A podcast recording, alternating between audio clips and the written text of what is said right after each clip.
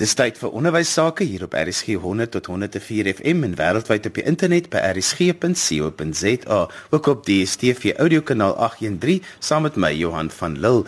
Vandag gesels ons 'n bietjie oor geskiedenis en my gas is Dr. Yuri Joubert, bekende historikus en skrywer en wat baie jare ook onderwysers opgelei het in die nodige vaardighede om geskiedenis aan te bied. Yuri, waaroor gesels ons vandag? Ek dink mense moet 'n bietjie gesels oor die vak geskiedenis prakties te maak in die wêreld rondom ons.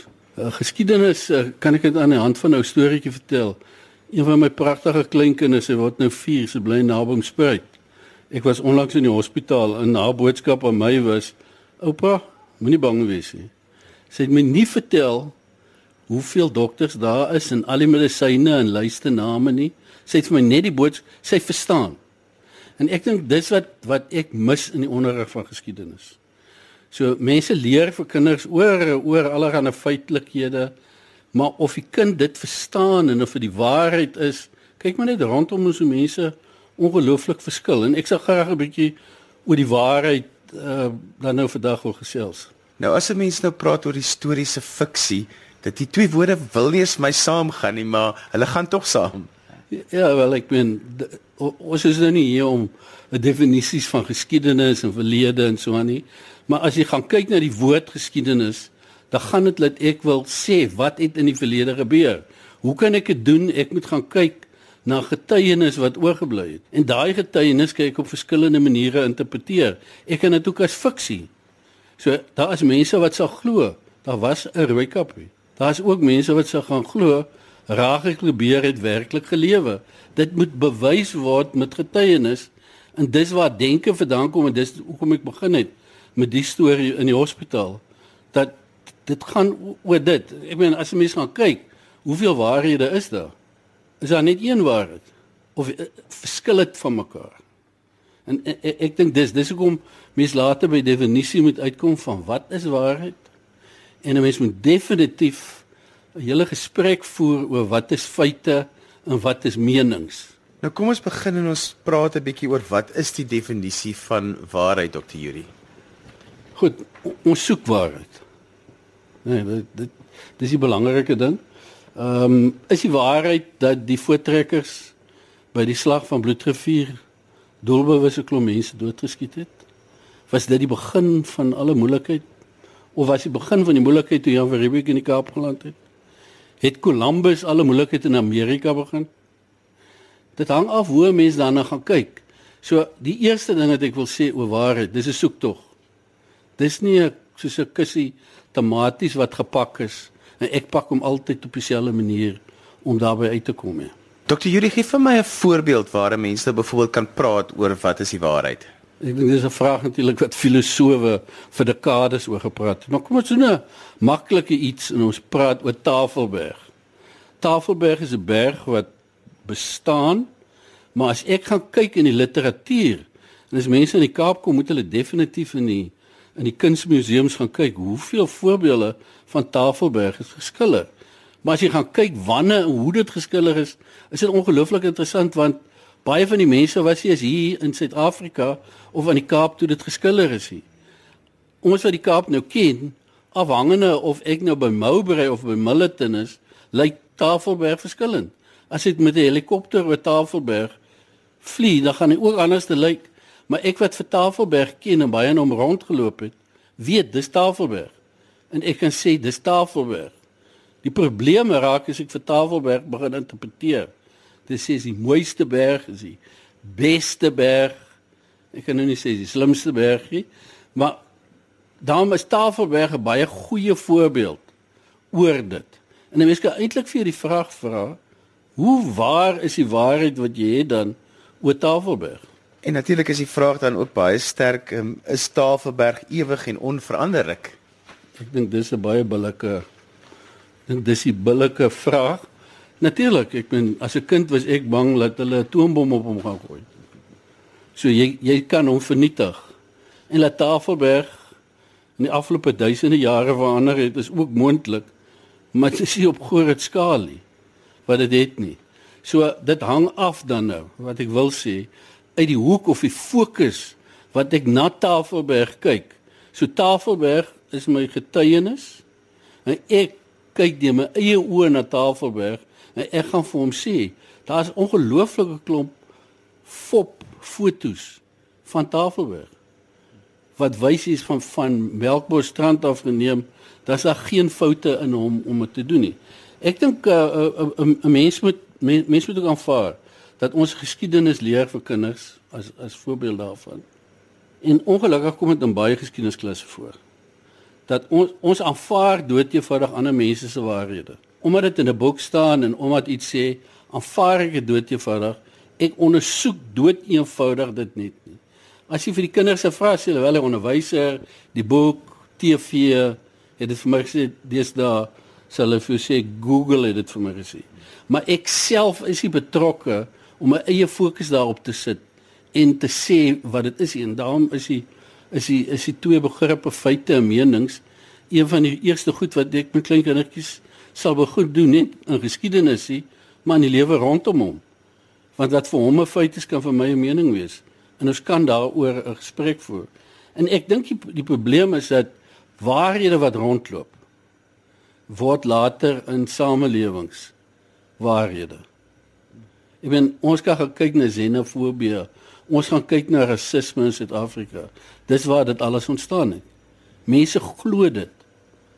En ek dink dis hoekom die skool nie kan bydra om dit te doen nie. En die probleem lê dat ek 'n klomp feite wil leer en as ek 'n lys feite het, dan dink ek ek het nou reg geïnterpreteer. Ek wil beweer dat in geskiedenis ook aan ander vakke is dit relatief maklik om 'n A te kry sonder dat jy enigiets verstaan. So as ek 'n onderwyser is en ek begin dink oor goed soos waarheid en fiksie, maar nie net 'n geskiedenis nie, want dit is eintlik van toepassing op alle vakke. Ja, ek dink absoluut so. Ek, ek dink ek dink ons moet teruggaan na leer en na inhoude toe en nie dink ek is 'n vakman nie. My vakkennis moet ek gebruik om vir die kind te help om te leer. Ek moet vir hom die geleentheid gee om self ondersoekend te wees. Tegnologie is 'n fantastiese middel om vir jou daai keuse te kan maak. Maar dit lyk of ons baie bang is om vir kinders die geleentheid te gee om 'n keuse te maak want hy kan antwoorde gee waarvan jy nie hou nie. En ons moet ook weet met historiese uh, geskrifte dat ehm um, Winston Churchill het gesê history is, is written by by the victors.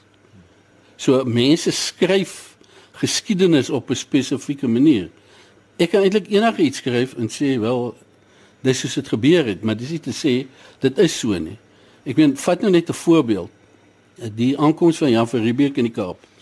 Daar is 'n baie bekende skildery wat ons almal as as jy praat Jan van Riebeeck het geland. Ek meen besef ons dat daai skildery is 200 jaar na van Riebeeck in die Kaap aangekom het geskilder. Dis eintlik iemand wat uit, uit sy duim uit gesuig het.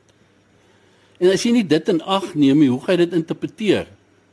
Want ons sê dis soos vir Rubik in die Kaap geland het.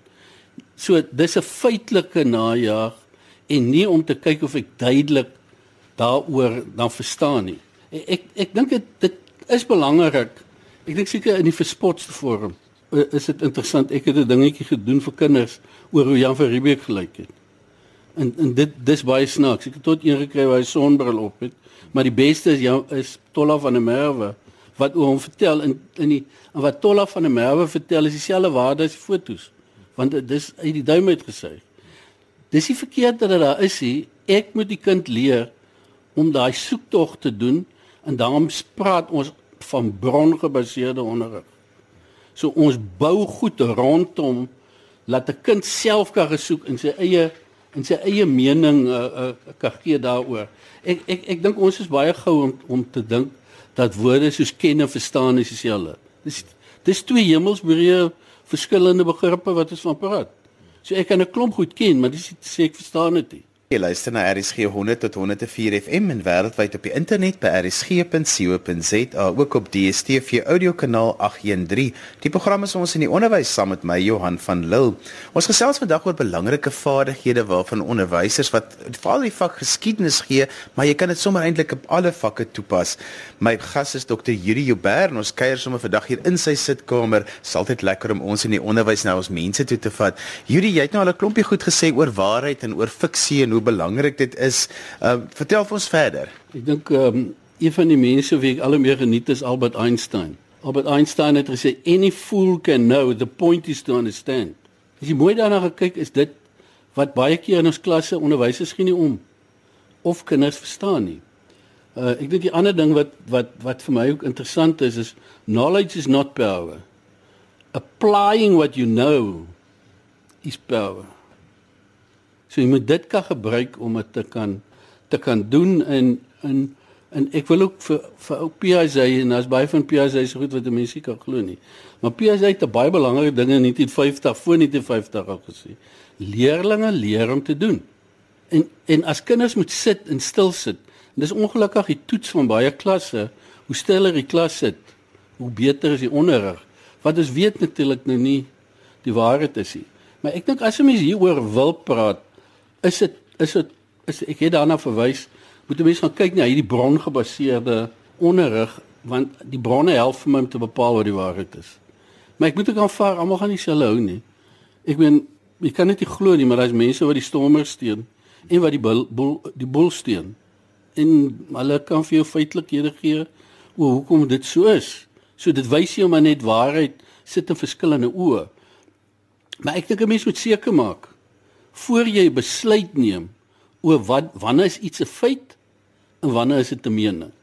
Dit klink nou baie maklik, maar lees net 'n dagblad en kom agter wat is 'n feit en 'n mening. Luister partykeer na die parlement, luister televisie oor goed wat dit het. Ehm um, 'n feit is is iets wat altyd waar is.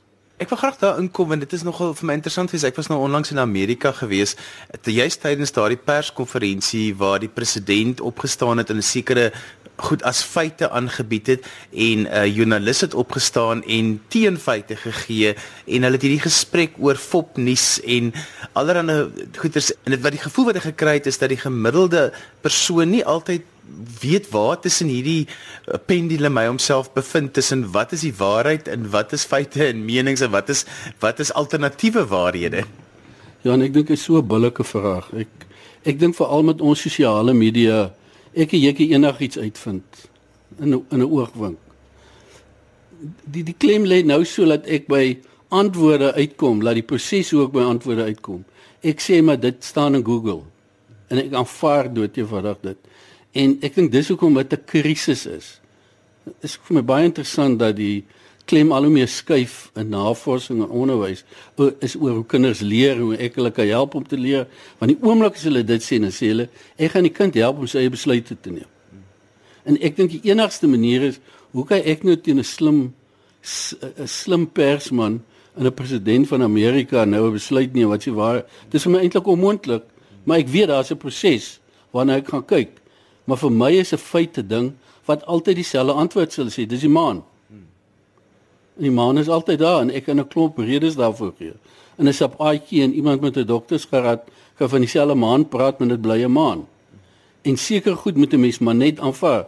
Nou ek ek ek ek glo dat daai gesprek tussen president Trump, nou dis die ding wat aan die gang is, want hy wantrou die pers. Miskien net 'n rede daarvoor. Maar ek weet dat die pers hom wantrou, het hulle ook miskien rede voor. En ek dink dis 'n proses daaroor. Die ene wat die moeilikheid maak, is die mening. Mense vat die mening en dan sê hulle dat die mening is 'n feit. En dit maak dit ongelooflik moeilik. Goed wat baie naby aan jou is, so ou van jou oupas en oumas en al daai stories, dit is so emosioneel, jy weet, dit as jy begin sonnes uitvind van mense uit jou verlede uit, dan bly jy liewe stil want dit is te naby aan jou. En en en ek dink 'n mening ontstaan wanneer iemand 'n 'n gevoel of 'n oortuiging het. En dit hang af hoe sterk hulle oor dit het. Vir my wat wat nou wat nou wat nou wat nou glo. 'n Kerk toe gaan is vir my ontstellend hoe mense dit gebruik en die woord heeltemal eenkant toe skuif en hulle gevoelens en oortuigings oor dit en en baie mense onnodig seemaak dat dit hulle dink dis absoluut waarheid. So ek dink uh, mening is 'n manier hoe ek na goed kyk. En as ek uit 'n uit uit 'n omgewing uitkom waar ek nie geleer word ek moet versigtig wees om dit te doen nie. Ek as ek nou terugkyk na my eie huis, ek het 'n pa gehad wat dit vir my geleer het.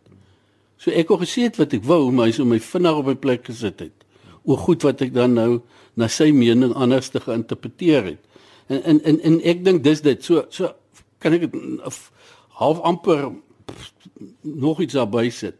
Ek dink dis een van die oorsake van xenofobie in Suid-Afrika. So mense reageer oor goed wat hulle persoonlik raak. Hulle is nooit geleer om 'n besluit te neem en ander goed in ag te neem in in dit dan te doen nie. So watter rol kan om te te weet wat die verskil tussen feite en menings dan byvoorbeeld by kinders hê? Wat is 'n wat wat kan nie wat is die voordele vir hulle? Ek dink is daai dat kinders kan mos nou nie altyd dink hy is reg nie. En 'n kind is mos nou maar so. Ek ben klein kindertjies dink hulle is reg. Hulle dink net aan wat hulle raak.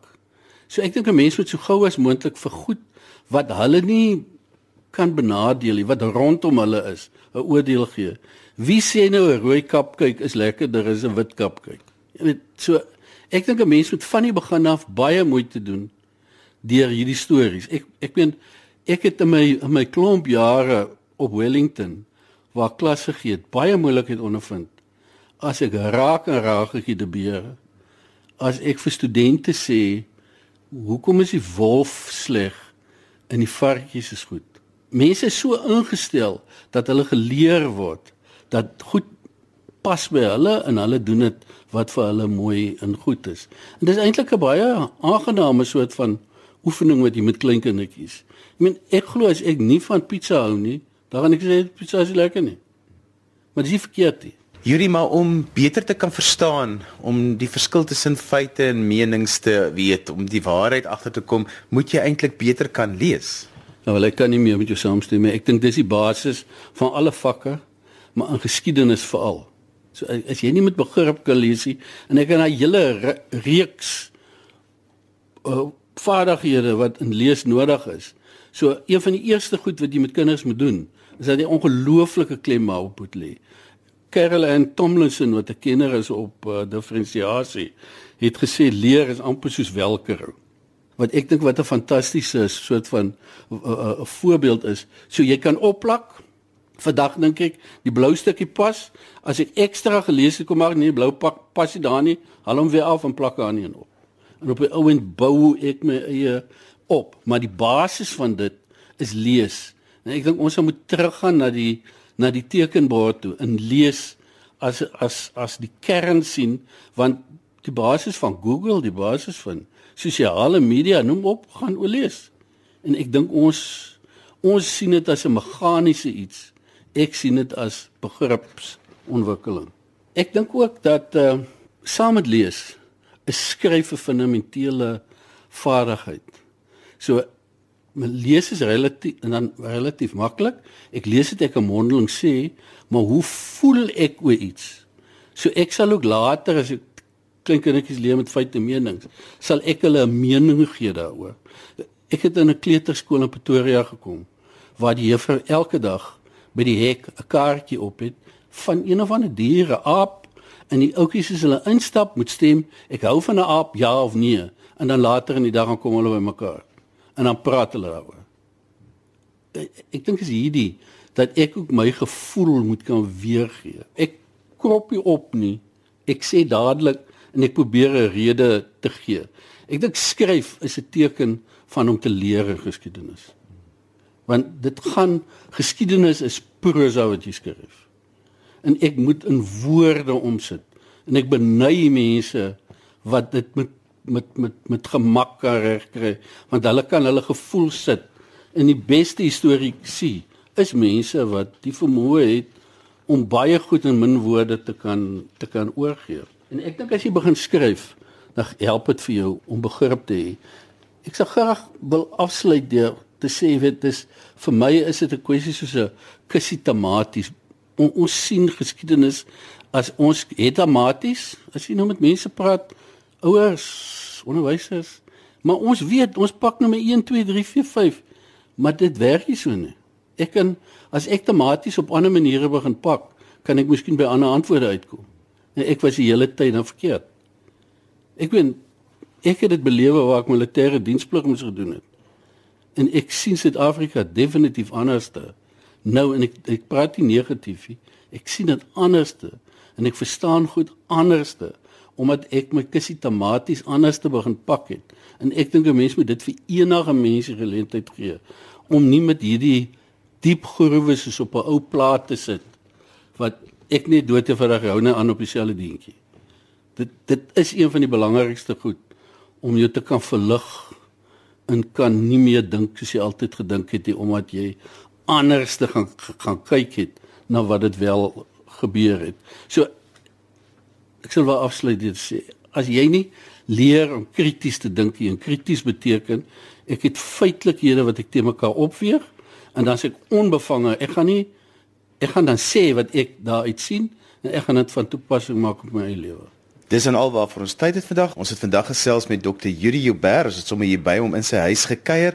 Ons het vandag 'n bietjie gesels oor belangrike vaardighede waaroor geskiedenisonderwysers, maar ook eintlik enige onderwysers moet beskik. Onthou jy kan weer na vandag se program luister as 'n potgooi. Laai dit af by rsg.co.za. daarmee groet ek dan vir vandag. Tot volgende week van my Johan van Lille. Totsiens.